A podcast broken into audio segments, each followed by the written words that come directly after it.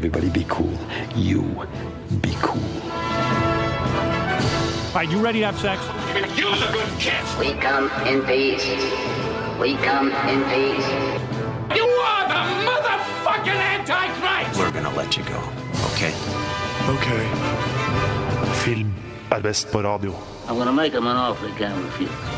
Nova Noir.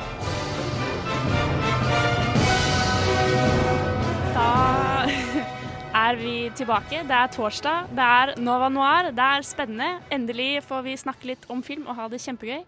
Med meg i studio i dag så har jeg Olav Haraldsen Roen. Vær hilset. Og bak spakene sitter eh, Henrik Slåen, og senere kommer Øystein Nordrum Solvang og skal snakke litt eh, sammen med meg. Eh, også her i studio. Skal snakke med deg òg da, Olav. Ja, nei, altså Jeg skal jo ikke være så med i samtalen. Det er jo Dere som skal snakke om en film dere har sett. Og hvilken film var det dere så? Vi så Nerve, Ja. så det blir gøy. Jeg skal også anmelde Cave senere i sendingen. Og vi skal ha et intervju med godeste Vanja Ødegård, som er sjef for Oslo Fusion. Så Oslo dette er en god sending. Helt riktig. Oslo Fusion, en filmfestival i Oslo som tidligere var kjent som Oslo I don't know, Oslo Skei Film Filmfestival. Så det er på en måte Ja, vi, eller vi kommer mer tilbake inn på den tematikken, hvis det ikke sa deg nok det gamle navnet, men vi kommer mer inn på det senere. Riktig. Men først skal vi jo kanskje høre en liten sang. Dette er eh, Calvert med Ut i Oslo. Det var altså Calvert med Ut i Oslo. Ehm, og det er eh, Jeg likte den sangen. Veldig sånn ambient, eksperimentell pop med kjølig nordisk sound på alle de rette måtene. Og jeg digga, jeg digga synten. Jeg fikk sånn type 80-talls gammel sånn rødtinn Korg-vibe som ute og gikk der. Mm. Men uh, nå skal vi ikke snakke om musikk, skal vi det? Nei, vi skal ha filmnyheter.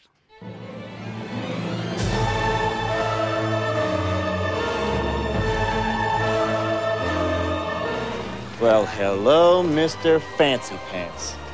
I got news for you, pal. You ain't leading but two things right now Jack and shit. And Jack left town. Nova Noir gir deg ukas filmnyheter. Ja, Vi får starte med en litt trist nyhet, da. Ja, nei, det, Eh, det smerter meg, må du si, men Gene Wilder døde nå 29. Ja. Vår alles Gene Wilder.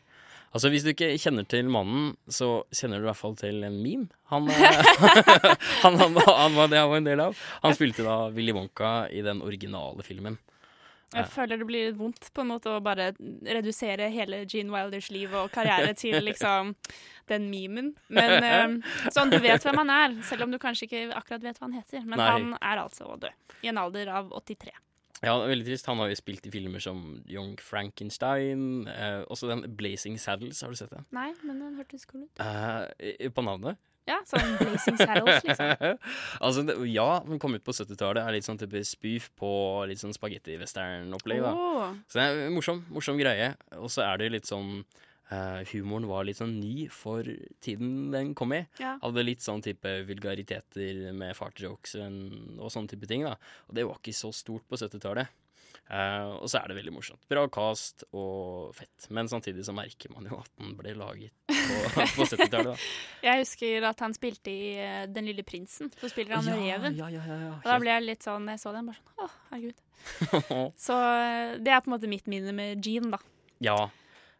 For min del så var det vel e- først og fremst Willy Wonka. Ja. Eh, Jeg tror det er det for mange, i hvert fall av vår generasjon. Ja, absolutt. Vi er jo ungkalver, begge, begge to. Men det har jo skjedd andre ting i uh, filmens verden.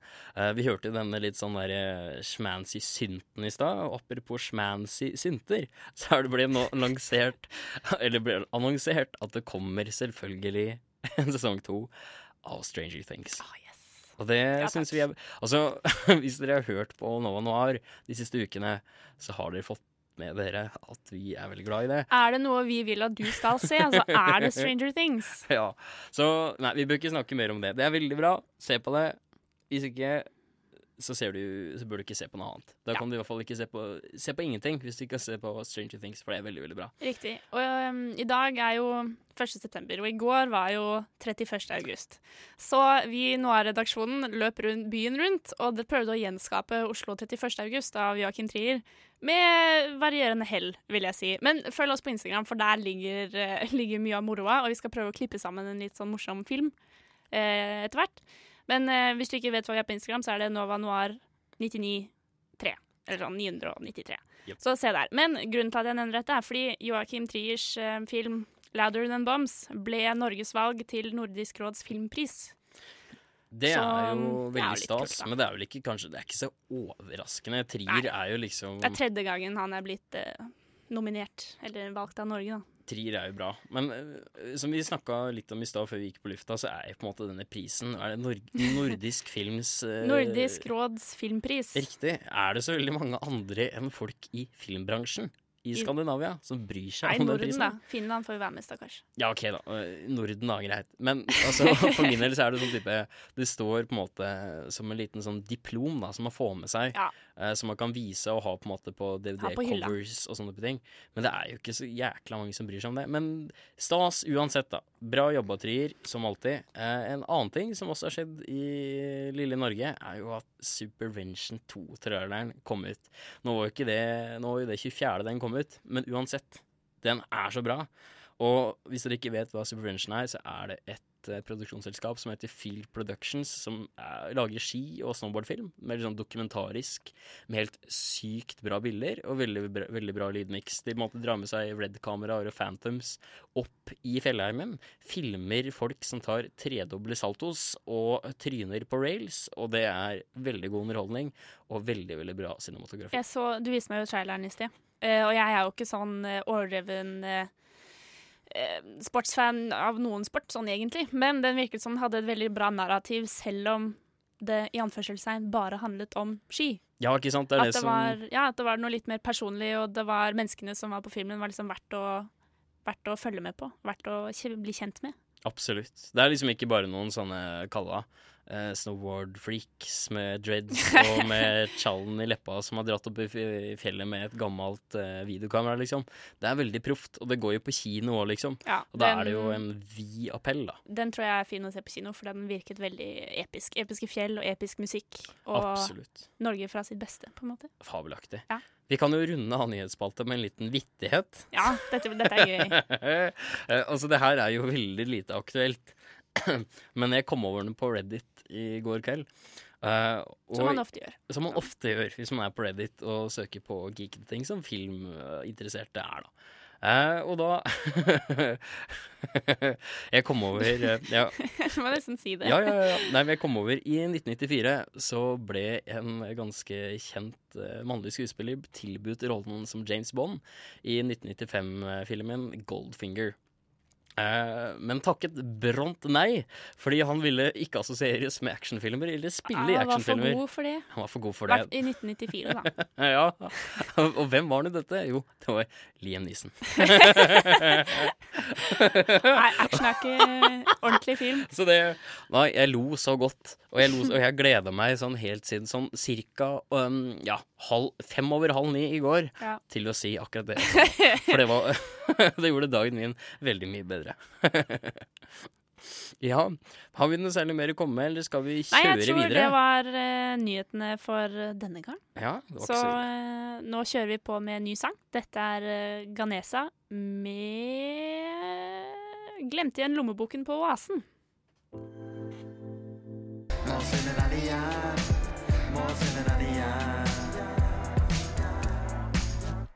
Kjipt å miste lommeboken eh, på oasen. Dette var da Ganesa, også med Kaja Gunnufsen. Ja, helt, helt riktig. Fabelaktig vokalist og låtskriver.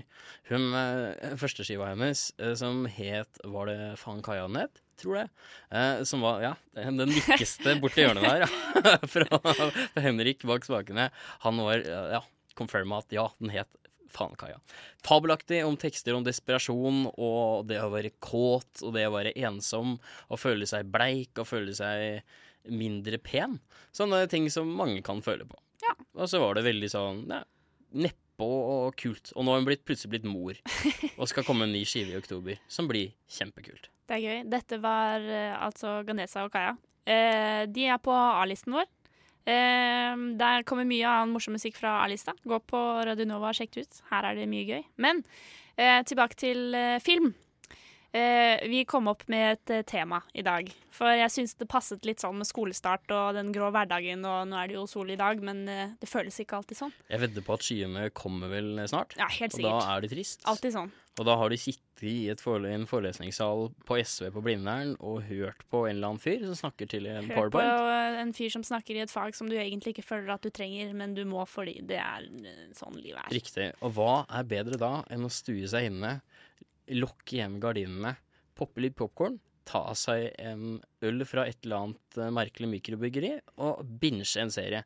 Det, og det kan vel oppsummeres som virkelighetsflukt, kan vi ikke det? Virkelighetsflukt. Så nå skal vi snakke litt om virkelighetsflukt, liksom, ja. Alt som kommer ja, Først om som tema, egentlig. Ja. For man kan jo fort på en måte Virkelighetsflukt kan jo være noe man gjør selv, men også noe man kan bruke som et tema, f.eks. i film. Og det har Vi skal man snakke litt om begge deler. Ja. Dette blir gøy. Jeg, jeg tenkte først å dra opp eh, det verst tenkelige eksempelet jeg, jeg kunne komme på.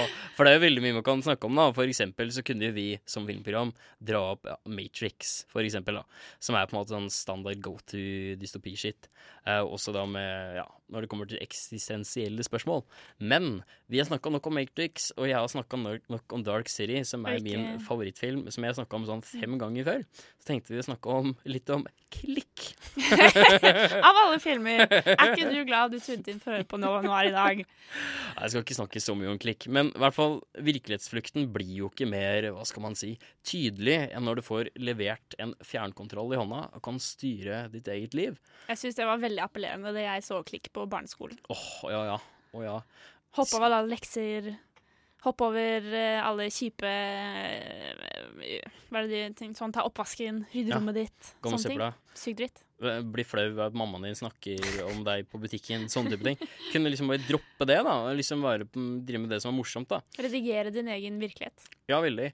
Det var jo en crash and burn, eh, denne filmen. Ja, de jo fleste Adam Sandler-filmer er vel strengt tatt det. Ja, men der, der strides de ikke så lærde. Altså, de lærde strides ikke så mye. Nei. Men eh, Nei da, beklager. Men, men altså, for min del så husker jeg på en måte eneste appellen til den filmen her for min del, når den kom ut, var jo denne slow-mo-sekvensen med den, dette kvinnelige spesimen som løp forbi huset hans. Jeg tror det var, uh, Og det var appellerte til ganske mange. Det var vel egentlig det eneste som appellerte til meg ved filmen i det hele tatt, og det var i traileren, og det sier nok. Det var forferdelig dårlig, eh, men det er en veldig sånn god, et godt eksempel da, på hvordan virkelighetsflukt kan brukes som Ja.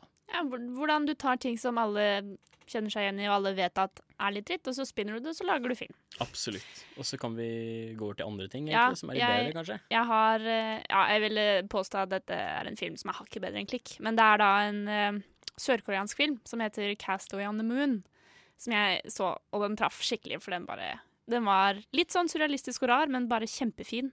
Og det handler om en mann som uh, kommer i gjeldsproblemer. Og prøver da å ta sitt eget liv, og hopper av en bro i Seoul i Sør-Korea. Og så havner han da på en sånn bitte liten knøttøy i en kjempestor elv.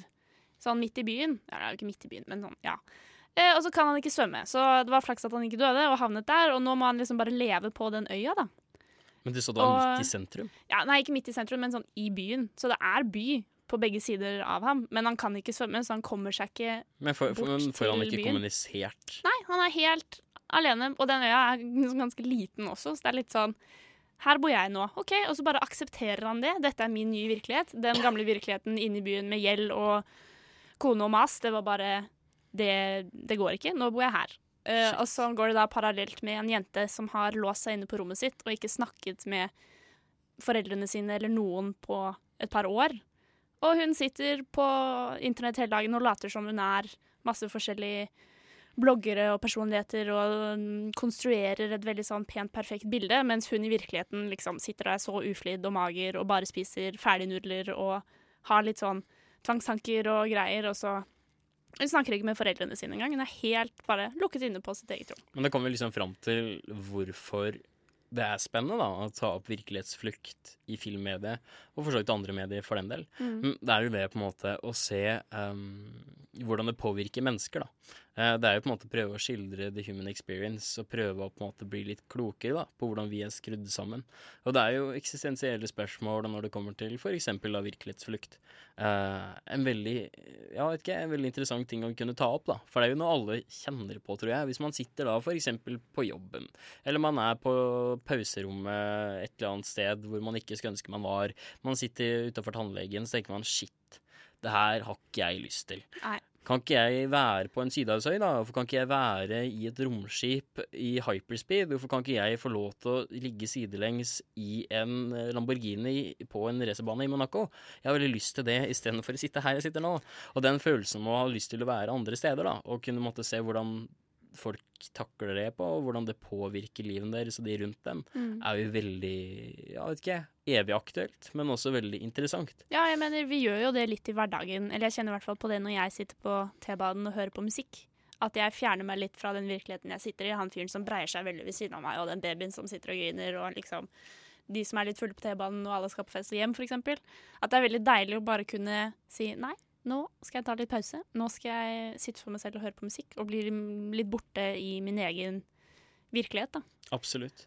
Ja, det er grunnen til at folk binge-watcher Ja, serier. eller jeg gjør det stadig vekk. så definitivt. Ikke det at jeg er misfornøyd med min virkelighet sånn.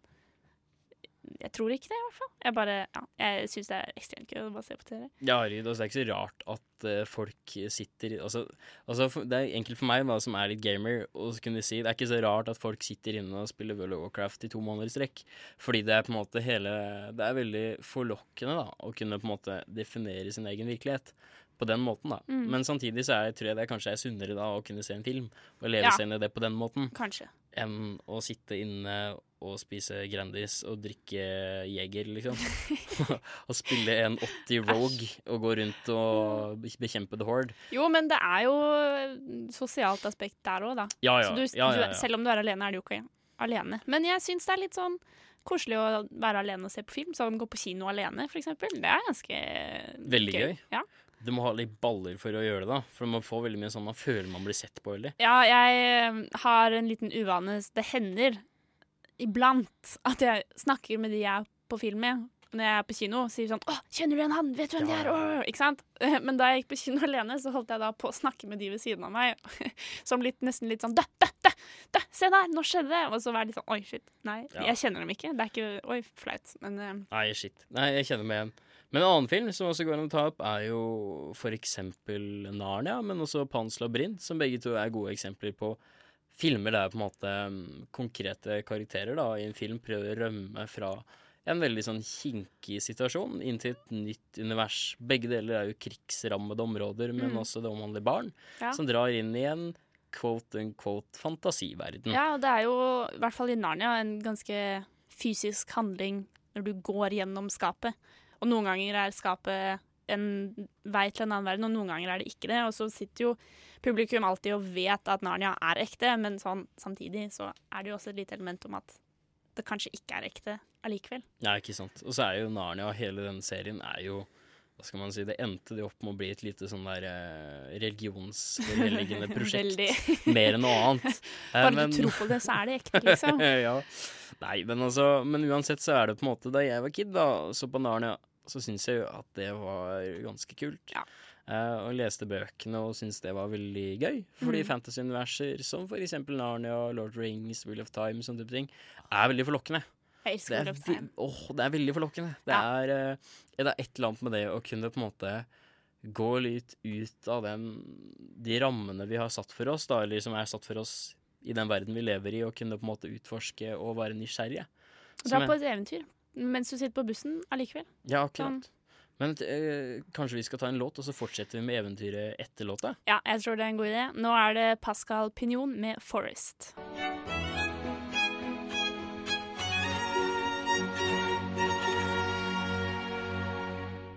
Hi, I'm Billy Boyd, and you're listening to Nova Noir.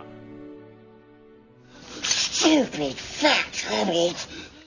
Apropos fantasy, tenkte jeg. Ja, Den jinglen er uh, veldig fin.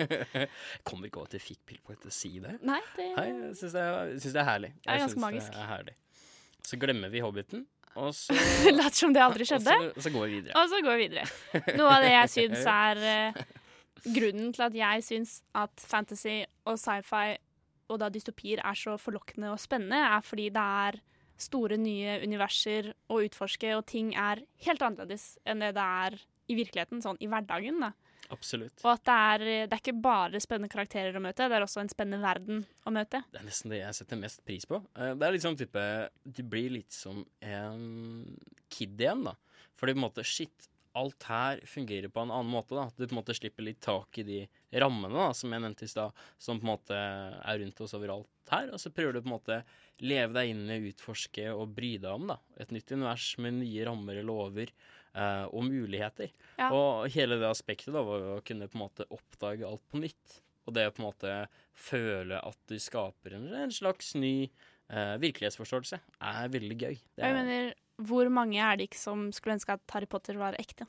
At de kunne gå på Galtvort og fikk det brevet da de ble elleve, og bare liksom vet du hva? Bye bye, Muggle World. Ja, eh, eh, kameraten min, Torleif, han eh, gjorde det med okay, Med søsken... Hva for noe? Jo, det er søskenbarnet hans som er yngre enn han. Så fiksa han brev og ga til han. Trodde de på det? da? Ble de knust, eller var det bare sånn å, ha-ha, det var morsomt? Jeg tror det er mer sånn 'Å, det her var kult. Det her var gøy. Oi, oi, oi.' Og så jeg vet at jeg ikke skal til Ja. Galtvort, men samtidig så er det her veldig stas, da. Og så måtte hele det ønsket om å kunne på en måte um, Jeg tror alle har litt sånn lite håp, da, om det er kanskje noe At det er noe som er litt sånn hidden beneath the surface-aktig. Litt magisk og litt mystisk. Og Ja, riktig. Nå er jo jeg eh, På ekte allikevel. Nå er jo nok jeg dessverre ateist, men samtidig så hadde det jo vært litt fett da, hvis det var noen sånne litt sånne ting som vi ikke for, forsto ennå, som det helt sikkert er. Uh, vi forstår jo ikke alt. Så naiv er jeg ei. Men uansett så er det jo veldig mye kult. Og apropos kule universer og, og i film og diverse, så er det jo også noen ganger at det her går ikke går så bra. Nei, det er eh, litt for ofte, syns jeg, rett og slett. Ja, det er jo ikke alt. eh, det er ikke alt som går så bra, men eh, noe som jeg syns er litt gøy, er å eh, ikke flykte, da, men da i hvert fall når det gjelder dystopier, det syns jeg er sånn Da koser jeg meg skikkelig. Når jeg ser en verden som går til helvete, og så er jeg litt sånn Ja ja, vi er i hvert fall ikke der helt ennå. Kanskje ikke det skjer med meg. Og litt sånn sci-fi-elementer og veldig sånn Det krever mer av universet, føler jeg, enn nødvendigvis kanskje en fancy historie eller en sci-fi-epos. For dystopien skal liksom også være en kritikk av trender i samfunnet nå som kan utvikle seg på fæle måter. Ja, absolutt. Men samtidig så er det så veldig gøy eh, man, For man har jo muligheten til at ting går til helvete i et filmunivers. Det er ikke sånn type at selv om i Planet of the Apes at Frihetsgudinnen er strandet på en strand, så betyr det ikke at det har skjedd i virkeligheten. Men vi kan jo teste hva, hvordan, hvordan hadde vi reagert da, hvis det hadde skjedd. Så det er på en måte hele den pakka. da, Man skal prøve med et filmunivers eller et bokunivers eller diverse. Det er veldig mye div. Men uansett, å se hvordan ja, the human experience vil foregå, Mm. hvordan det vil fungere, da, i helt nye rammer. Og det kan jo også vi som mennesker som også kan føle og tenke og reagere, prøve å sette oss inn i, da. Og det er det som på en måte ligger i hele det å leve seg inn da, i et medium, og prøve å oppleve ting. Og det er det som er forlokkende igjen også, da, med virkelighetsflukt. Men jeg også så er det jo veldig mange andre filmer som også er veldig gode eksempler på det her. Det er jo sånn, som, hva skal man kalle det? Litt sånn tvungen virkelighetsflukt, for eksempel Memento, som Ja. også er en film man ofte nevner i, i filmprogram. Ufrivillig virkelighetsflukt, men allikevel skaper sin egen virkelighet bit for bit. Absolutt. Ja, det er jo ikke nytt, bare blomster og nye, hva skal si, nye enger å kunne løpe rundt i. Det er jo også ting som ikke er like fett. For eksempel å bli litt sånn ja, Få litt noia, da. Hele den pakka med å på en måte kunne oppleve mm, nye rammebetingelser, da. Positive eller negative. Og prøve å forstå seg selv bedre gjennom et medium. Og det tror jeg er eh, sunt, men også veldig interessant. Ja, at man eh, lærer mer om seg selv i møte med andre eh, virkeligheter. Eller eh, hverdager, på en måte. Ja. Universer. Og andre karakterers skjebne. Absolutt. Og det er jo det også det jeg pleier å si da, til venner og familie som ikke er så veldig glad i sci-fi eller fantasy. For de sier at det ikke er, altså, at det ikke er Ja, det er ikke nok. greie, Det er liksom. ikke min greie, det er ikke realistisk. Og når Obi-Wan Kenobi løper rundt med lasersverd, så er ikke det Å, det kan ikke jeg kjenne meg igjen i. Men det er jo ikke lasersverdet som Altså, det er fett, jeg digger det, men det er jo ikke det som er på en måte substansen i historien. Substansen er jo det mellommenneskelige. Det at vi som individer kan sette oss inn i hva hadde vi gjort hvis vi var i den situasjonen. Og vi bryr oss om karakterene. Altså hvilken setting de er i, er fett, liksom, men det er jo igjen menneskene, hvordan de reagerer til det rundt seg. Og alt det, det menneskelige aspektet som er fett, da. Så si det til de rundt dere som ikke liker sci-fi eller fantasy. At det overse den derre snakkende løven i Narnia. Overse alle de små dvergaktige hobbitfolka med hårete bein i Lord of the Rings. Og så ser du på hva substansen er, så finner du nok veldig mye godt. Det er bare å komme over den lille Oi, jeg er ikke så glad i pointy things og store ting med tenner. Flashy Ja. spaceships og lens flare, liksom. Det er ikke helt min greie. Nei, ikke sant? Så tror jeg de finner veldig mye godt. Det tror jeg. Det tror jeg også. Ja. Man er ikke for god for sci-fi. Eller da syns jeg du er teit, hvis du føler at du er for god for eh, sci-fi. Nå skal vi ikke generalisere eller Nei da, nei da. Vi skal ikke gjøre det. Men uh, jeg bare kom på noen uh, dystopier som jeg syns er veldig bra. Og eh, problemet mange, noen filmer har nå, som liksom skal være dystopier, men ikke egentlig er det, fordi de ender med en sånn å, revolusjon, vi skal velte dette undertrykkende systemet, og liksom en ny hverdag skal bli skapt, og la, la, la, la. Det skal ikke, en dystopi er ikke happy. Sånn, den slutter med at ting går til helvete, eller bare fortsatt er dritt. Eh, og da tenker jeg på Brazil, som liksom er en av mine virkelig yndlingsdystopier som finnes, med Robert De Niro blant annet. Nå må jeg nok eh, krype til korset, såkalt, og si at den, den har jeg ikke sett. Nei. Den kan minne litt om 1984, eh, men er kanskje hakket mer litt absurd og handler veldig om hvordan byråkratiet og Man kan bli fanget i sånne byråkratiske prosesser, og at man mister helt den menneskelige medmenneskeligheten. For det er liksom et samfunn hvor det er et selskap som driver med aircondition, styrer hele samfunnet, fordi du må, du må ha det, og du må til dem for å fikse det, og det er bare de som gjør det, og du, det er bare mange sånne absurde regler, og det er, kritiserer masse, masse, masse bra. Så den, den er virkelig verdt å få med seg. Ja, tenk, veldig godt sammensatt får univers. veldig sånne assosiasjoner til Alan Morris V for Vendetta. Mm. Det er og den er jo så Det er jo Altså, jeg syns jo helt klart at tegneserien er best, men filmen også er veldig god, altså. Jeg må på Ja, jeg syns at de har De har jo klart å skape et internettfenomen. Det var jo selvfølgelig denne Ja. Guy Fawkes- Fawkes-masken var jo også med som et, ja, et visuelt hovedtema da, i de grafiske novellene. Men samtidig så var det jo gjennom filmen det ble såpass stort. Og da når det får til på en måte fange såpass mange, så må det være noe ved det som, ja, som får folk til å undres, til å tenke.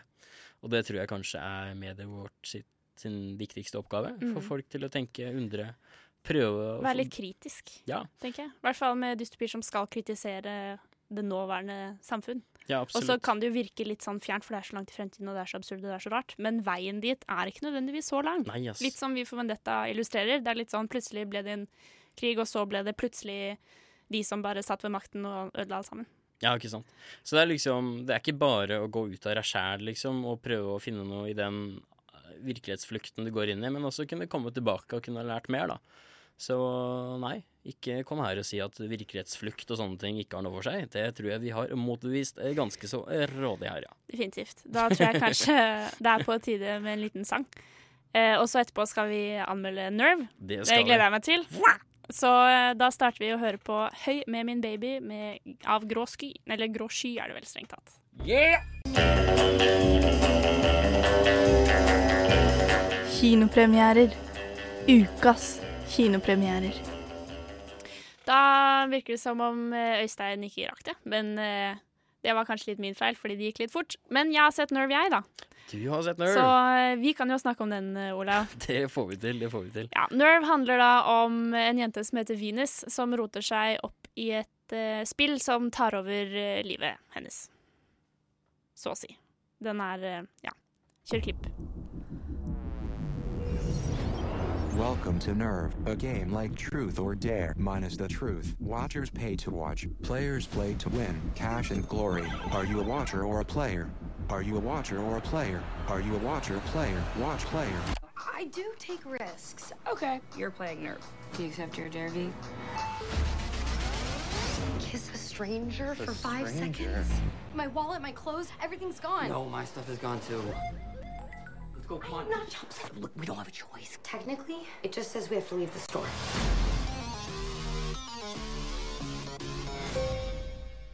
happens if I bail?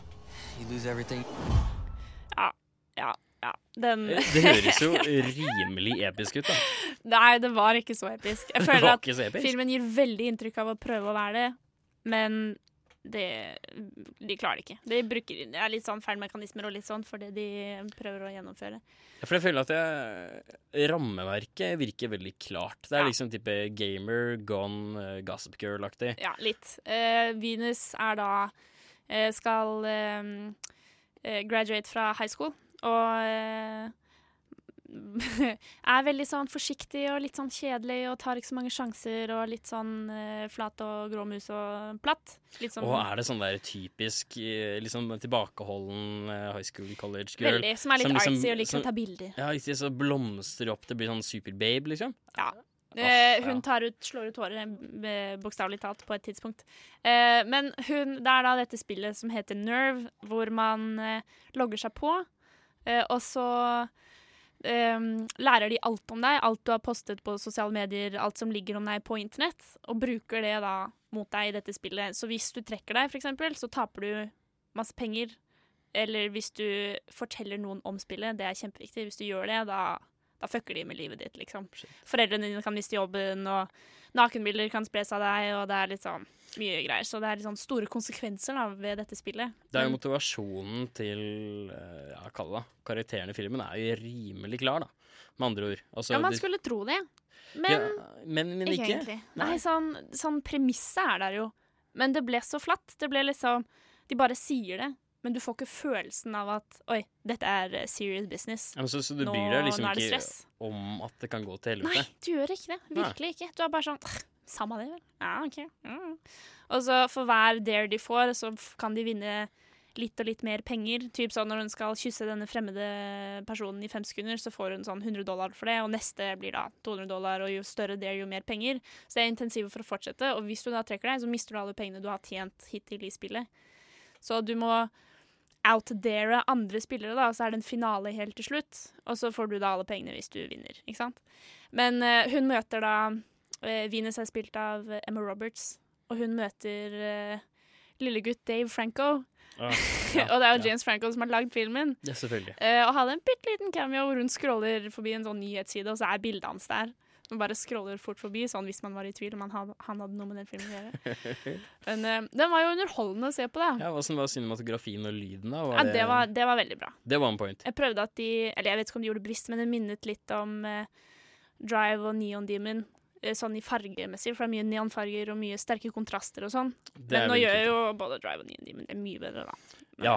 sies. Men det var en pen film å se på. Mye sånn fine bilder av New York og city shots og veldig sånn drone, fine lys, og de kjører mye motorsykkel, og det er liksom Det skal være bra, men det ble bare gjort litt sånn Ja, ok, Så det måtte, rammeverket rent teknisk var veldig godt, og premisset for filmen var liksom sett det før, men samtidig så var det Det funka type- ikke sånn, ja. så bra som det burde funka. Men var det spillet det sto på, da, og storyline i seg selv? Nei, jeg eller? tror kanskje det var manuset, rett og slett. Ja. For det var eh, De spilte greit, men det var bare ikke nok motivasjon for dem til å liksom spille i dette spillet. Og det var ikke nok bakgrunn for noen av karakterenes liksom fasetter, da. Sånn, grunnen til at jeg er sånn og sånn, er fordi faren min døde. Eller det, det har ikke skjedd da, det var bare et eksempel. Det er veldig lite karakteroppbygging. Det er bare sånn Å, jeg bestemmer meg for å bare bli med på dette spillet, og nå er jeg plutselig kjempemodig og bare driter i alle og samme det, liksom. Det bare skjer litt sånn overfladisk litt fort. Så det er liksom ikke noe vekst å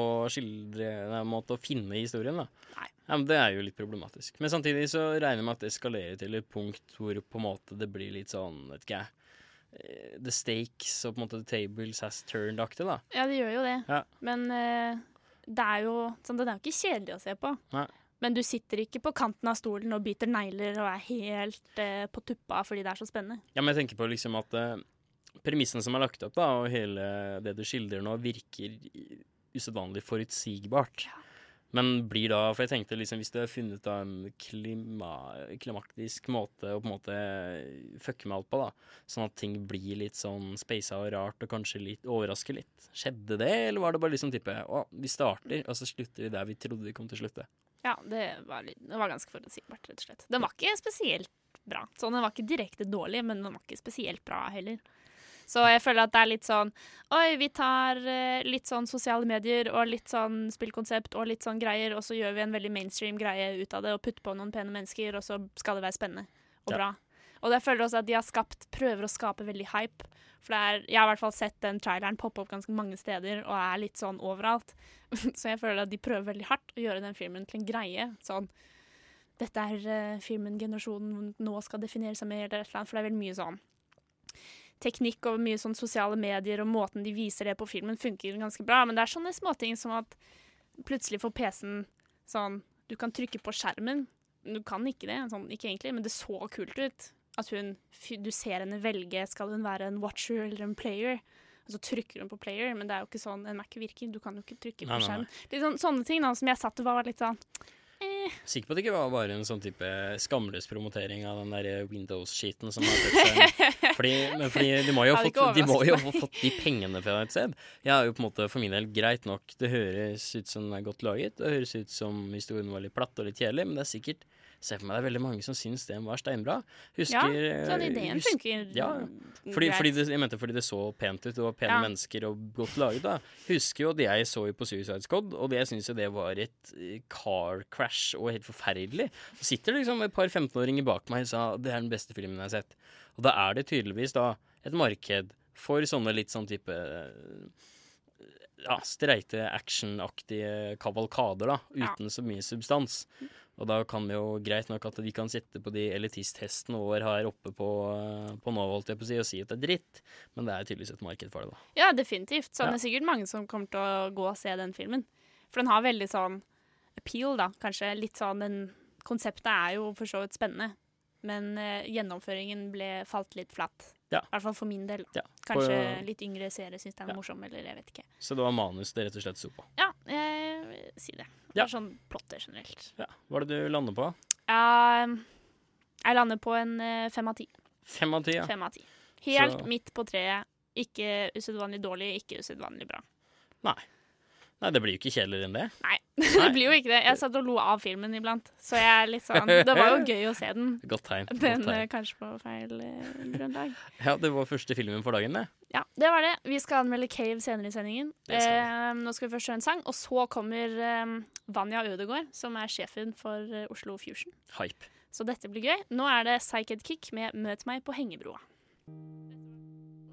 Dette var da altså Psyched Kick Nei, Kit, unnskyld. Uh, og jeg liker den sangen her veldig godt, for den passer litt med den Nerve-greia, i den forstand at du møter en fremmed, og så tror du at det er deg jeg liker, men egentlig var du bare i en spennende situasjon. Og attribu attribuerer hjertebanken til mennesket, ikke at du kjører på en motorsykkel i New York og holder på å krasje og dør.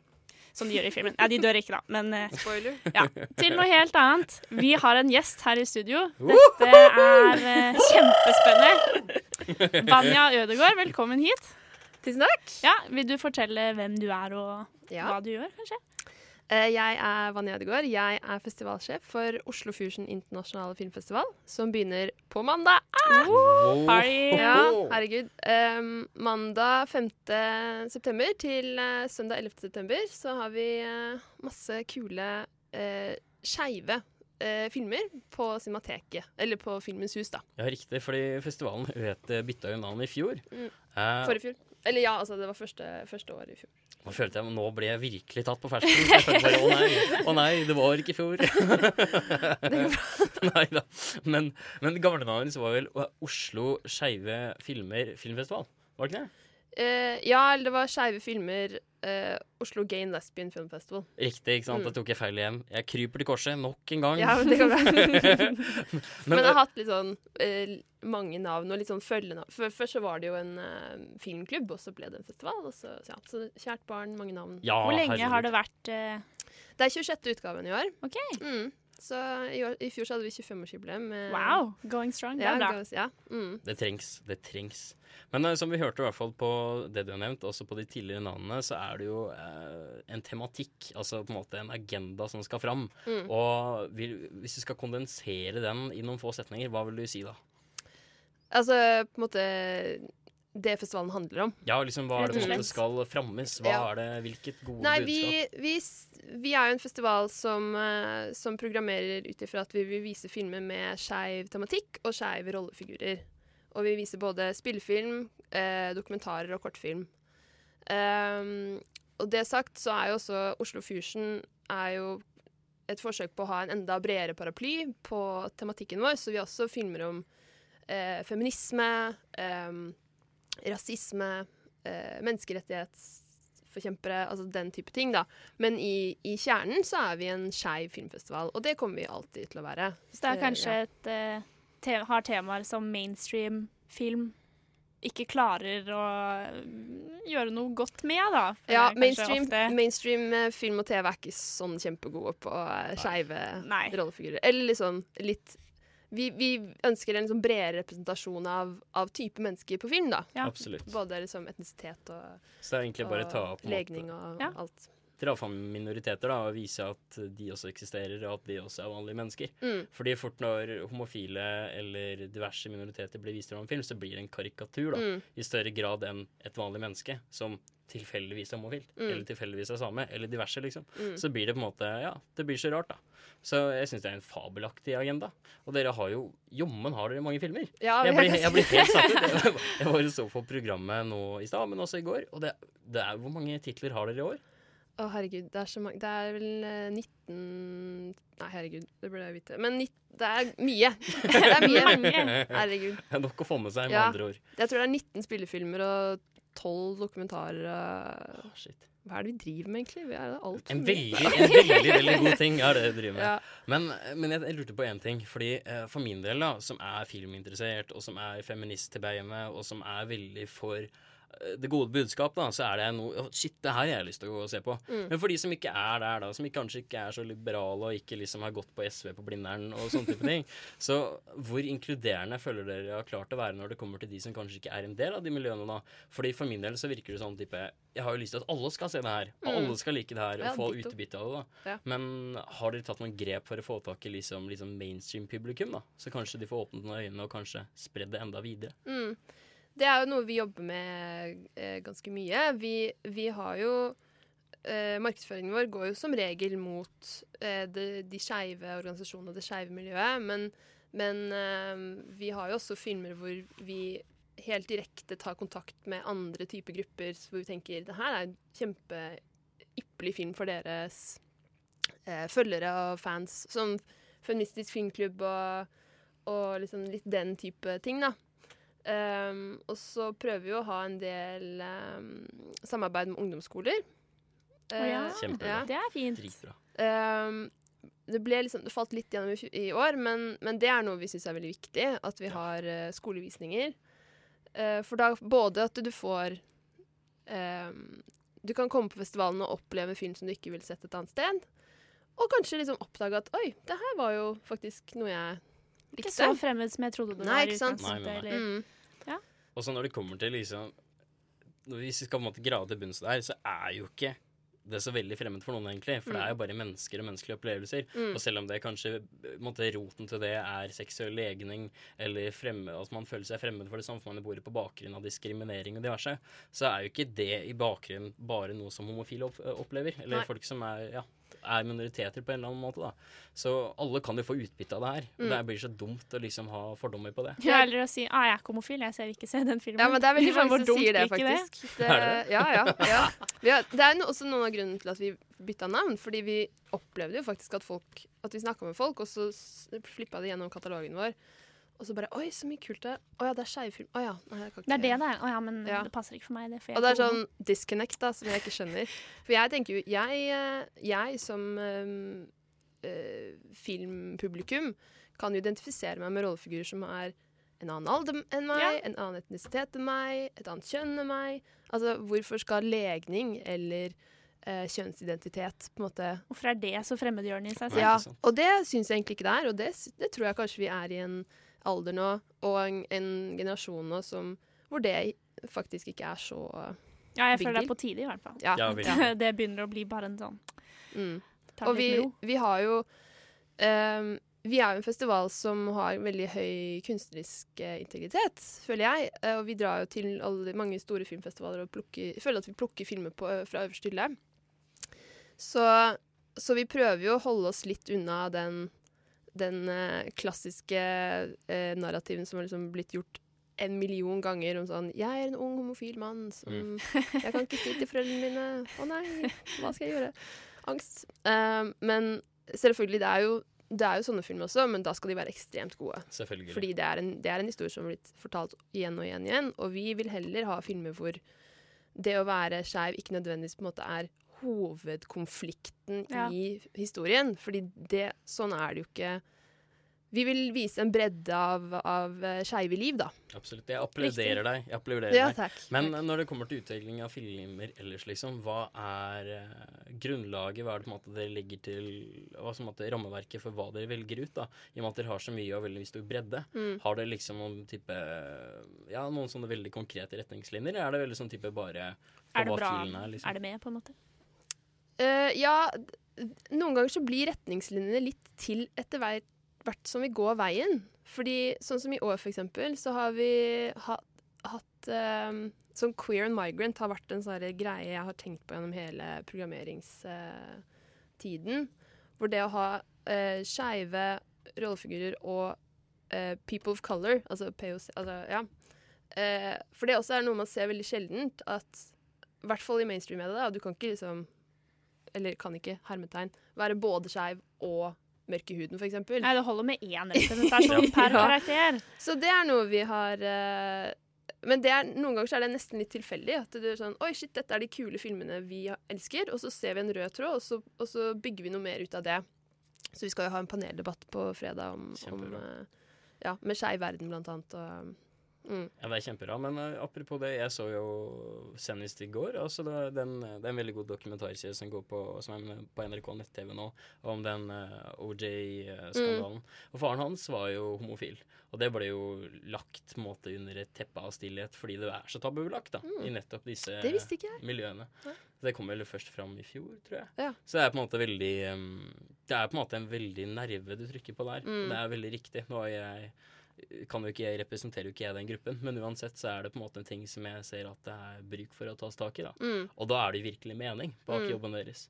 Og det er jo Er det ikke derfor man har lyst til å jobbe med ting? da? At Jo, det har noe for absolutt. seg. Tross alt. Ja. Film og gode verdier til folket.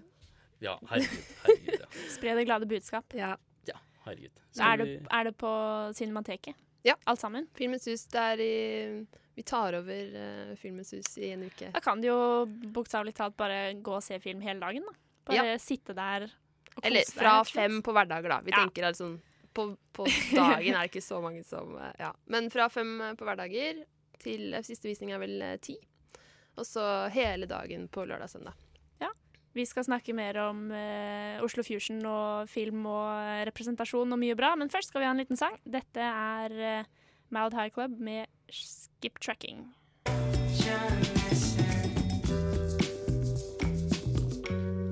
Det var da altså Mild High Club med Skip Tracking. Veldig sånn chill og rolig musikk.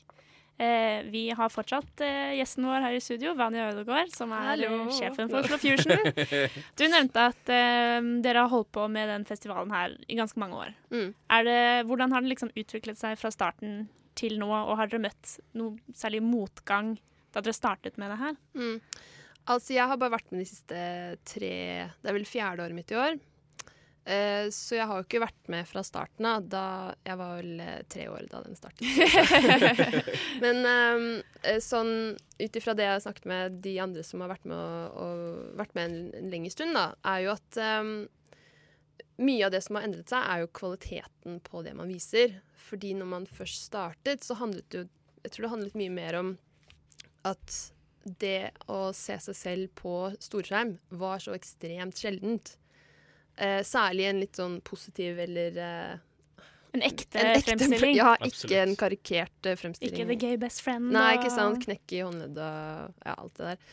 Um, så på den tiden så tror jeg at festivalen viste mye for å vise Eller de liksom Dette er det vi har, Mm. men dette er det vi viser. Og det var sånn smukkfullt. Og folk var veldig sultne på å se de tingene. Så det var i større grad for å normalisere det i filmmediet, da, enn kanskje å ta opp ja, grunnlaget for problematikken. Kanskje man må starte et sted, liksom. Mm. Da starter vi der. Mm. Uh, men for det har jo ekspandert vært mye de siste årene, hvis jeg forsto det riktig. Men har det på en måte mm, Sikkert når det kommer til antall filmer, men også når det kommer til mennesker som jobber med det, men også interesse fra utlandet, merker, det, eller merker dere mye av det? Interesse for, fra utlandet for oss? Ja, riktig. Ja, uh, ja og mye av det er jo ehm, takket være den tidligere leder uh, Bård Idén, som har et ekstremt eh, sterkt eh, og stort internasjonalt nettverk med alle de andre internasjonale skeive eh, festivalene og filmskapere. Eh, så vi har egentlig vi har, en ganske, vi har en veldig høy stjerne internasjonalt i de eh, miljøene der. Um, men det er jo ikke de som kommer og, og kjøper billetter. Så, um, så det er jo noe vi jobber med, å forankre oss enda mer eh, lokalt og nasjonalt. Um, ja. Og vi er jo et uh, team Det er mange som er nye i teamet i år. Eller som bare har vært med så vidt i fjor. Uh, men vi er et skikkelig godt og engasjert team i år som, uh, som gleder seg masse til neste uke. Så, Fabelaktig. Mm. Ja, Du nevnte jo så vidt det i stad også med paneldebatter. Mm. Har du, kan du si litt om det? Hvordan foregår det? Hva dere skal ta opp? Hvem Mm. skal snakke? Ja, som jeg sa til i stad, sånn, noe av det som er viktig med å være filmfestival, er jo å skape en slags sånn helhetlig festivalopplevelse som gjør at? Sånn at du, du kommer deg opp av sofaen da, og ikke laster ned den filmen, eller ikke bare At en filmopplevelse er noe utover det å se film. Eh, så for oss er det jo viktig å ha um, gjester, at vi har filmskapere som kommer og har Q&As og snakker om, om filmene sine og tematikken i filmene sine. Eh, det har vi en del av i år. Eh, vi har Kevin Stea fra Strike a Pose, som var en av danserne til Madonna. Eh, vi har eh, Ingrid Jungemann, som regisserte eh, Women Who Kill. Som jeg gleder meg skikkelig til å treffe henne. Vi har Joshua Grinnell, som også er kjent som drag queen Peaches Christ, som kommer og skal ha show på Elsker på den tiende, på avslutningsfesten vår. Og det, det hørtes meget kjent ut. Ja, Peaches Christ er en av de aller, aller mest kjente drag queen San Francisco drag queen i Nord-Amerika. Ja, riktig, for det er jo RuPaul er også fra San Francisco, er han ikke det? Nei, han er vel fra østkysten, tror jeg. Å ja, det kan Ja. du huske feil, men jeg, det hørtes kjent ut. Jeg har sett Ja. på RuPaul's Drag Race, og da Ja, kjære. ja, jeg elsker RuPaul's Drag Race. Ja. Ja. Fabelaktig underholdning. Jeg skriver master faktisk om RuPaul's Drag Race. jeg elsker deg. Jo, ja, og så er jo dette Queer and Migrant-panelet, hvor vi har Skeiv Verden eh, som skal være med, og så en fyr som heter Chris Belloni, som, er, som har startet en filmfestival som heter Queer and Migrant Film Festival Amsterdam, eh, som handler om da eh, det å være skeiv og det å være på en måte enten fra et annet land og flytte til et annet, eller å, å bo i et land. Han lagde en film som heter I'm Gay and Muslim, hvor han dro til Marokko for å snakke med folk som var homofile i Marokko, og på en måte hva slags rettslige følger de får. Eh, så det tror jeg blir veldig eh, interessant, eh, viktig debatt. Ja, absolutt. Den er, den er på en måte en debatt som er litt utenfor Den handler jo ikke om film per se, men den handler jo om noen temaer som vi toucher inn på i løpet av festivalen. Ja, absolutt. Og den, blir, eh, den er gratis, og den blir i annen etasje i, i Filmens hus. Da kan man, liksom, man trenger ikke å sette en film for å se den, man kan bare komme og, og se den på fredag klokka ni. Det syns jeg er kult. da, på en måte. Greit nok at det er en filmfestival, men det er jo på en måte når det er en eh, vet ikke jeg, når det er måte tid, da, en slags agenda bak det som skal vises, hvor det ikke på en måte bare er 'Å, vi liker film, vi. Vi ser på film'. Mm. Det er på en måte noe substans å finne. da, En plan på en måte man har lyst til å skape noe. Mm. Da blir det på en måte en bredere opplevelse, og som du sier da, med en slags festivalopplevelse. Det blir mer en pakkeløsning. da. Du drar jo ikke på Roskilde bare for å se på ett band og så dra hjem igjen. Du er der for å på en måte oppleve alt. da. Mm. Eh, og da skape det rammeverket hvor folk kan tenke, folk kan reflektere og også nyte god kultur. Det er jo Ja. kjempebra og veldig viktig. Og vi oppfordrer alle publikummerne våre til å liksom gå og snakke med gjestene våre hvis de har noen spørsmål om filmen, eller, eller inkludere gjestene i Eller publikum i Q&As, for eksempel. Alltid kjempegøy når folk har masse spørsmål. Det er da de beste Det er liksom mine beste øyeblikk i festivalen, når folk er sånn skikkelig engasjerte, og vi er sånn 'Å nei, nå må vi slutte!' ja. Vi kan fortsette i kafeen, liksom. Ja. Det er gøy at nordmenn får til det mellom òg. ja. Ja, ja, ja. Skulle ikke tro. Kan ikke alltid være så lett. Nei. men det handler jo også litt om temperaturen på, på samtalen, da. Eh, og hvor mange som er der. Og, ja, det er mange Ja, ja. ting. Men, og hvor, hvor tungt stoffet er, hvor tung filmen er òg, ikke sant. Sånn, Absolutt. Så har jo på en måte det som har skjedd i år, da, så blir jo på en måte tematikken som tas opp, enda mer aktuell. Det som skjedde i Orlando, det som nå holder på å skje nede i Kristiansand. Så Mm. merker man liksom greit nok, vi har kommet langt, men vi har ikke kommet langt nok. Nei. Nå her må det tas i tak, og folk må Informasjon må ut. Mm. Altså, jeg tror det er det som trengs mest, altså. Folk må kunne mer. Folk er redd for det de ikke vet noe om. Ja. Ja, det vet vi som er fra Opplands skoger. Dessverre. Ja. Men hvis, du, hvis man ikke får tid til å gå og se alle filmer og alle paneler og alle Hvilke filmer eller andre ting er det som på en måte er highlights for deg, da? Vil du si? Det er så vanskelig. Alle. um, jo, OK, skal vi se her.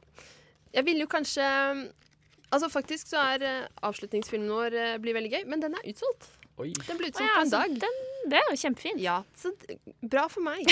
Men eh, eh, det blir veldig gøy. Vi skal ha liksom folk som Det er Absolutely Fabulous The Movie. Den kommer på Ja. ordinær kino Ja, ja, ja, 30. ja, ja. september, da, Å, så dere kan se Kanskje vi får anmeldt den her i studio når det, tiden det, kommer. Det, det skal vi. Nei, men jeg, jeg broderen så på den uh, thrilleren til den, og vi sto og hoppa i sofaen. Det så så bra Ja. ut. Det så så bra ut. Jeg tror det er en fjollete film, Men det er helt perfekt som avslutningsfilm. Det er så lov. Ja.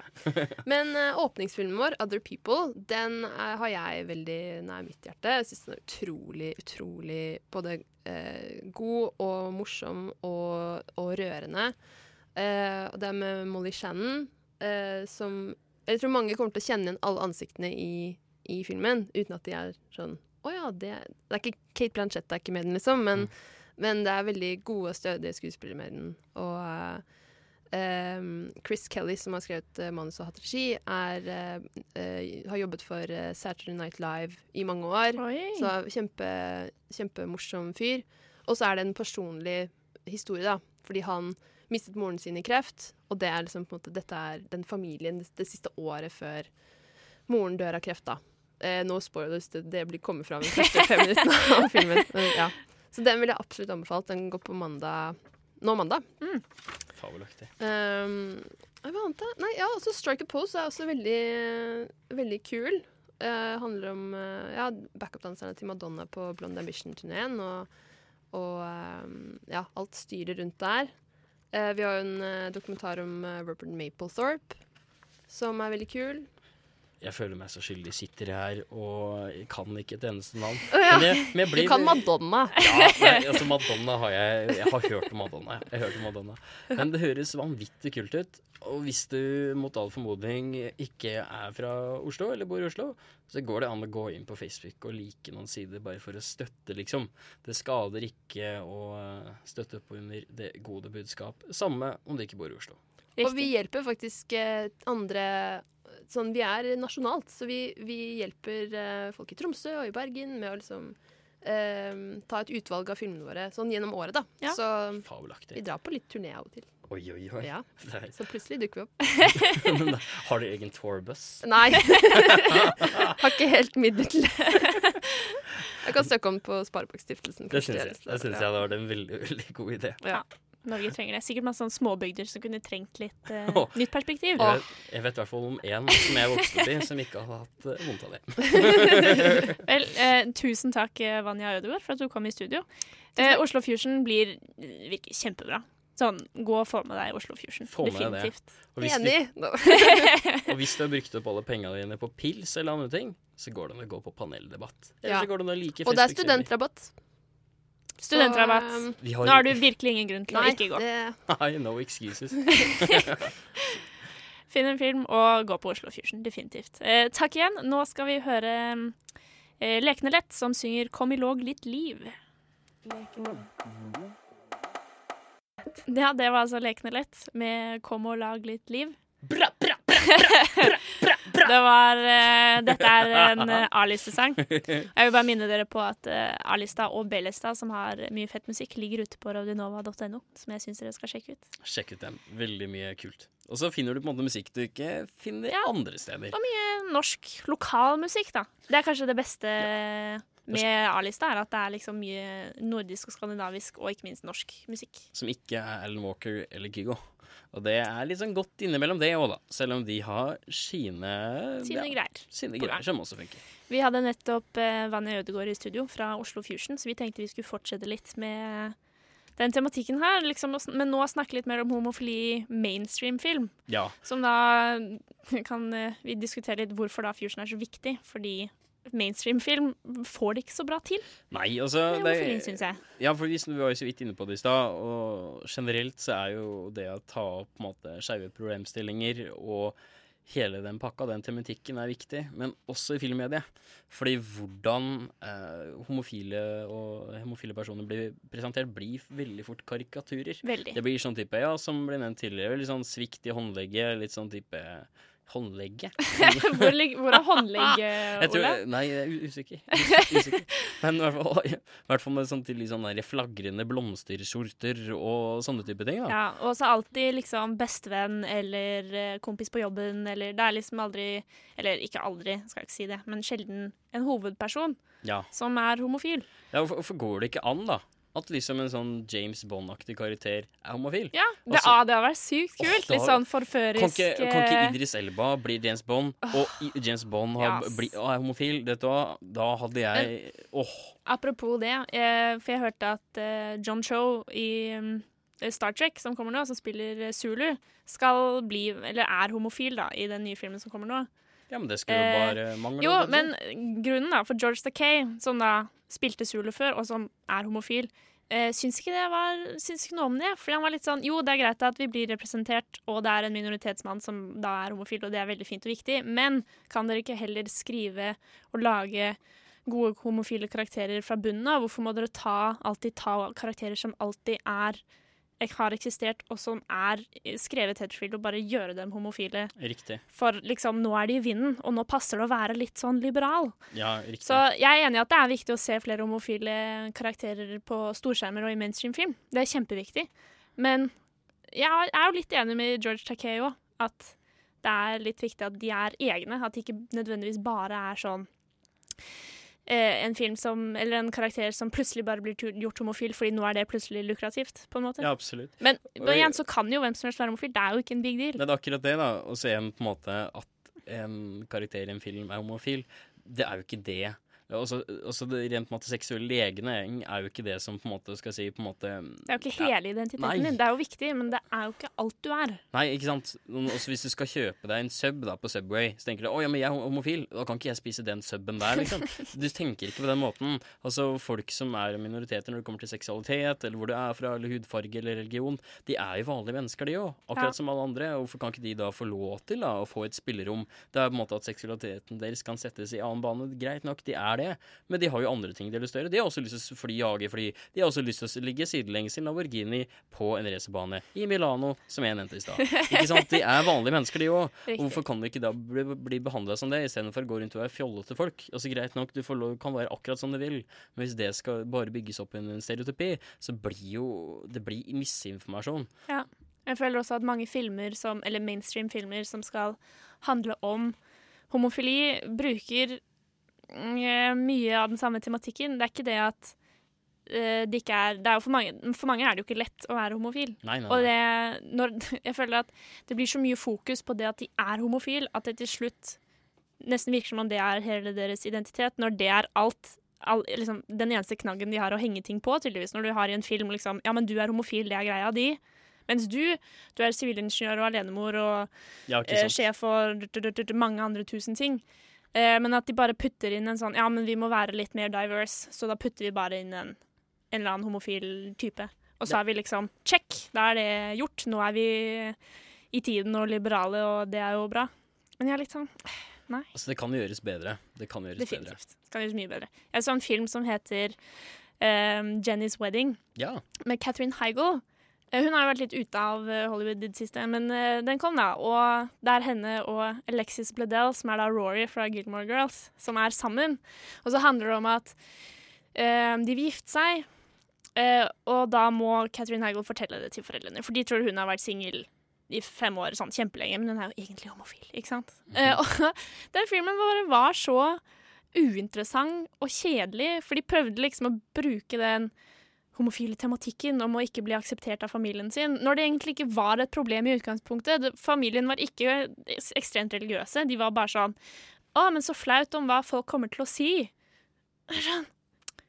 Har det? det har ingenting med deg å gjøre. Nå må du bare slappe av. Og du var bare så flat. Det var sånn ingen sånn, Det var en konflikt, men den var jo så ubetydelig og hadde ingen substans eller noen ting. Så jeg følte at de prøvde bare å kapitalisere litt på den homofile historien. Ja, absolutt. og lage en ting ut av det, og bare feilet helt. Fordi det hadde null hjerte og null sjel, og var bare sånn «Ah, Vi putter på en uh, stor skuespillerinne og gjør det til en sånn Prøver å være litt emosjonelle, og så blir alle venner til slutt. Og det var bare helt sånn, det falt så flatt og var skikkelig trist å se på. Ja, det hørtes det ut som eh, drittfilm. Men det er litt sånn type jeg føler at uh, ja, skal kalle det mainstream film og Hollywood undervurderer publikum Definitivt. veldig. Fordi på en måte Å nei, og, og, og publikum kommer ikke til å klare å svelge en homofil karakter som ikke er flamboyant, da. Ja. Fordi liksom Og den Det er strider med hvordan man oppfatter Eller sånn, Kanskje de ikke gjenkjenner at personen er homofil. Nei, ikke sant? Og for det er så viktig, ikke sant? Nei, for det, måte, det, er så, det, blir så, det blir så bull, da. Det Men- blir så sjukt bull. Jeg, jeg ser på en nettserie som heter Critical Role, som er folk som spiller Dungeons and Dragons live. Eh, ja, det er, det er veldig geekete, men det gjør jeg. Og der har de løst det veldig bra. For det er vel nesten samtlige karakterer som er innom. Så snakkes det ikke om seksualitet, men plutselig så går de og, er, og ligger med hverandre behind the scenes, liksom. Og det at det f.eks. er to menn som gjør det, eller to kvinner som gjør det, det er ikke noe big deal. Det bare- bare, det bare skjer, det. Det er en Ja. Det bare er sånn. Det bare skjer, det. Altså, det er ikke noe føss. Og på en måte, når vi på en måte begynner å behandle da, seksuell legning, eh, religion, når vi behandler sånne litt betente temaer for det det er, da, som bare er en personsak, som ikke på en måte sømmer opp en hel person, men bare, det bare er sånn, liksom. Folk er folk.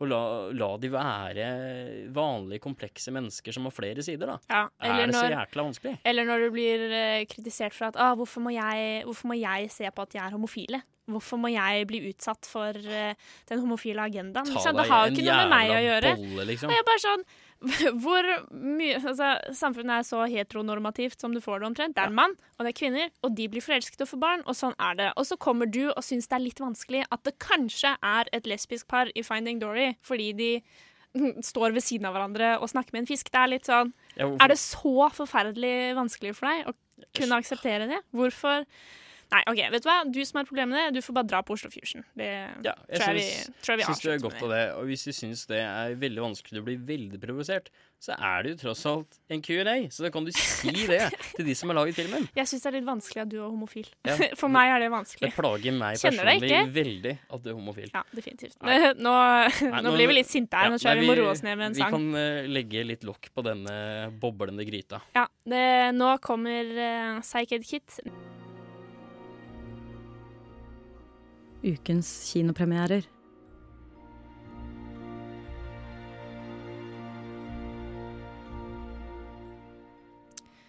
Nå eh, skal vi da snakke om eh, andre, den andre um, filmpremieren. Nå var det helt sur! Den andre filmpremieren. Ja, nemlig, Julie, for du har sett en film til, du. Jeg så Cave, som er en norsk eh, actionthriller. Og den handler om Victor, Adrian og Charlotte som drar for å utforske en hule oppi fjellheimen.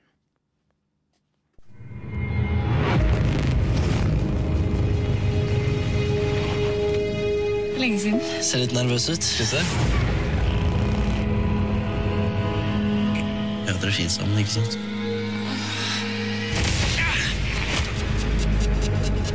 Det er ingen som har vært her nede før. Vi kommer til å bli de første. Nei, er ingen som tar for lett på dette her. Men det har dødd folk der før.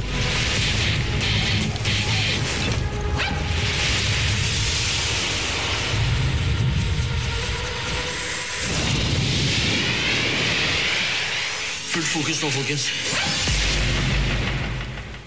Det var Cave. Jeg må bare si en ting. Bare, det, det er ingen som har vært der nede før. Vi kommer til å bli de første. Men folk har dødd der nede før. Og jeg bare Hva?! Hva er dette?! Altså, vi blir det første, men noen har dødd der fra før. Ja. Det er en logisk brist. Jeg vet ikke hvor, helt, helt hvor den ligger. Nei da, de tror de er de første. Ah. Og så viser det seg at det er noen som har vært der nede før, og da kanskje dødd. Det er litt sånn shady. Det er jo en thriller, da, så det er jo, skal jo være skummelt. Shit. Ja, for nå er det jo nok en norsk film, Julie. Riktig. Hva syns du? Hva, hvordan var storyen? Var det greit? Ja, sånn sånn Ja, den var ikke dårlig. Men sånn, ja, jeg er litt vanskelig når det gjelder norsk film, for jeg syns det fort kan bli litt kleint når de prater, for det høres så falskt ut. I hvert fall hvis de snakker bokmål. Eh, eller man snakker jo ikke bokmål, men du skjønner hva jeg mener. Så hvis det er, hvis det er dialekt, så syns jeg det er veldig pent, og det er liksom greit. Men hvis det er oslosk, så syns jeg det fort blir litt sånn cringe-worthy. Men Nå, nå sitter du i et rom med mennesker som snakker riksmål, da, og deg inkludert. Så ja, er jeg er jo- fullt klar over det. Men jeg har ikke et manus som er på film, så da er det på en måte, da er det greit. Nei da, Men, men, uh, jeg, skjønner hva du mener. Men hva tenker du liksom om storyen? De skal ned i en hule, og de skal få glory and fame and shit, da? Det... Nei, det er bare for spenningsskyld. Ja, okay. uh, for de er uh, tre venner. Det er Adrian, Charlotte og Viktor. Mm. Eh, Adrian og Charlotte er sammen. Men uh, det er litt sånn hinting til at det var det en greie mellom Charlotte og Victor. Så det er litt sånn subtilt hint til trekantdrama, som jeg opprinnelig er litt sånn Jeg syns det er litt kjipt plot-device å ha med trekantdrama bare for å gjøre filmen spennende, men det viser seg at det spiller kanskje en litt større rolle enn man tror, da. Så det er uh, Uten å si for mye om hva som skjer, men det er uh, ganske bra. Men det starter med at de møtes, og så kjører Victor sånn stor motorsykkel og er litt sånn bad, og så kommer Adrian og Charlotte i bil, og så kjører de opp Trollstigen og skal til hytta, og så finne overnatte før de drar i den hulen. Men den sekvensen hvor de kjører opp Trollstigen, så er de sånn Å, førstemann til hytta, da, folkens! Ja, OK, altså! Og så skal de liksom kjøre fort opp der, men du kjører ikke fort i Trollstigen. Nei. Sånn, det går ikke. Og så Det- prøver de å, liksom, å få det til å se kult ut på film, men det så bare skikkelig sånn Oi, her var det en sving. Å ja. Og så putter de på sånn litt sånn spennende musikk, og det skal liksom være så raskt og sånn. Men det er jo ikke det. Jeg ble Ja, men- litt sånn ah, Det er altså, litt kleint. Det er et eh, godt gammeldags eksempel på at Norge Og vi må bruke det vi har. Og vi har eh, fjell.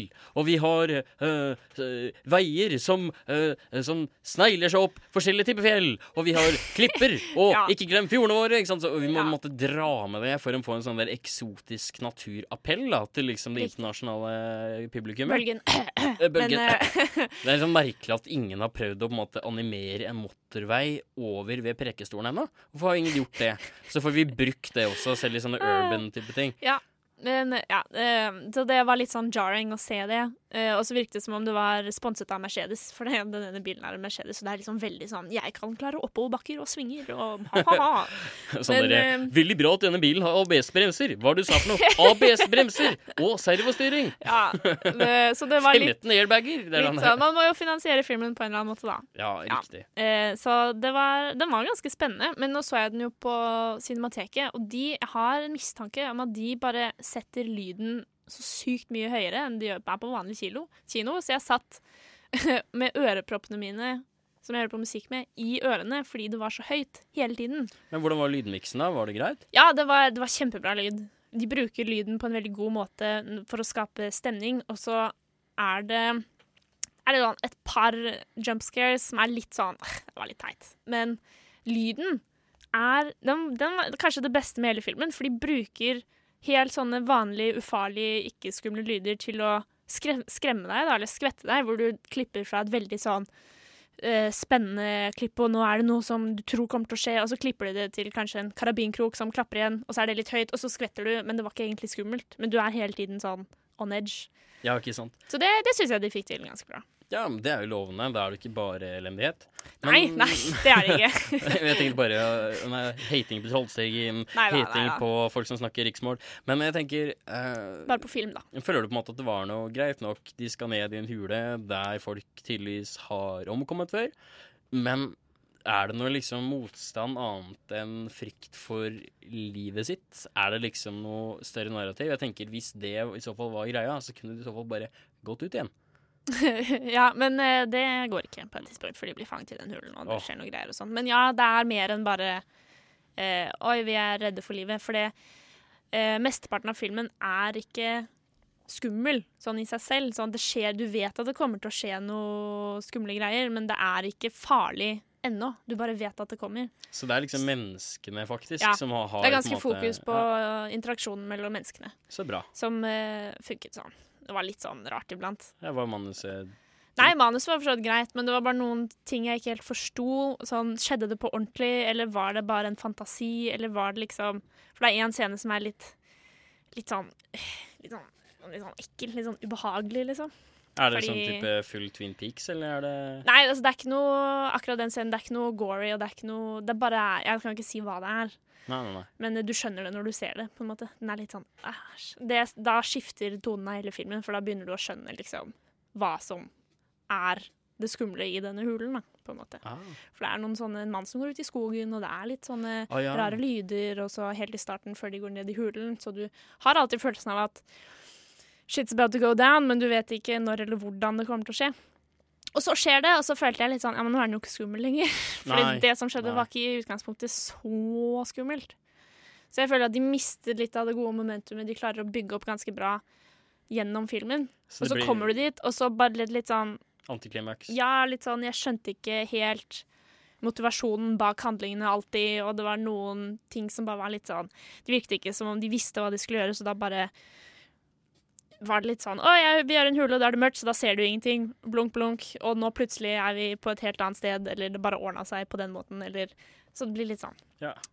Så, men den, sånn, var ikke dårlig. Den var vel spennende å sitte og se på. Så alt i alt så var det liksom Ja, lyden var veldig god, dialogen var Lyden var veldig god. Sånn, veldig. Lyden Musikken var- og lyddesignet var kanskje det beste med filmen. konge. Mm. Men hva er det du lander på? Um, ja, seks eller syv. Kanskje syv, for å være litt grei, da. Syv av ti? norsk film. Syv av ti. Syv av ti. Så Altså en spennende. norsk, en norsk syv av ti, eller internasjonal syv av ti? Nå må du Jeg bestemme sier deg. bare, jeg sier bare syv av ti. hva Kan dere få tolke det som dere vil? Kjempemessig. Ja. Eh, nå går vi videre til en annen sang. Dette er Classics med I'll Get You.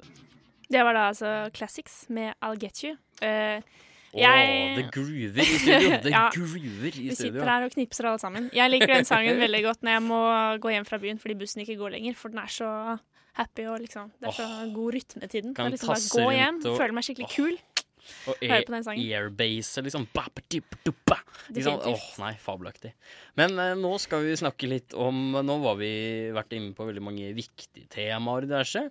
Og vi snakka ja, om mye med substans. Og nå skal vi kanskje gjøre det motsatte, skal vi ikke det, Julie? Jo, for uh, det er noe av det beste jeg vet. Å sitte og rante om dårlig film. Og i hvert fall da i tråd med det vi snakket om før i dag. Eh, Sci-fi og fantasy og dystopifilmer. For Den vi- sjangeren der, for der er det mye dårlig ute og går. Ja, for Vi nevnte jo det, for eksempel Klikk, da, som jeg hadde en liten triade på. Men eh, fordi det er jo ikke alle som løser den problematikken, eller på en måte den tematikken, da, veldig godt. Ofte så blir det sånn type Ja, vi kan komme med noen eksempler først. Jupiter Ascending. For eksempel. Det, Det var et hot mess, altså. altså det, det verste er jo på en måte at man merker jo på den filmen at uh, de har et godt budsjett. Ja, Altså dessverre. Eller Ja. jeg følte at det jobbet litt mot dem, for det er jo stjernespekket med Mila Kunis og Eddie Redmayne og Channing Tatum og han Alle- som alltid dør, og ja. hva er det han heter? Husker ikke, men alle de Ja. tror er med i Jupiter Sending, er med i. Jupiter Sending. Og så er det sånn type det, Jeg husker jeg satt og følte på det, fordi når de kom eh, Når de først da kom til den byen eh, den store på en måte majestetiske byen som liksom er på en måte kronjuvelen da, når det kommer til ja, animasjonen i filmen, i hvert fall. Så tenkte jeg sånn Shit!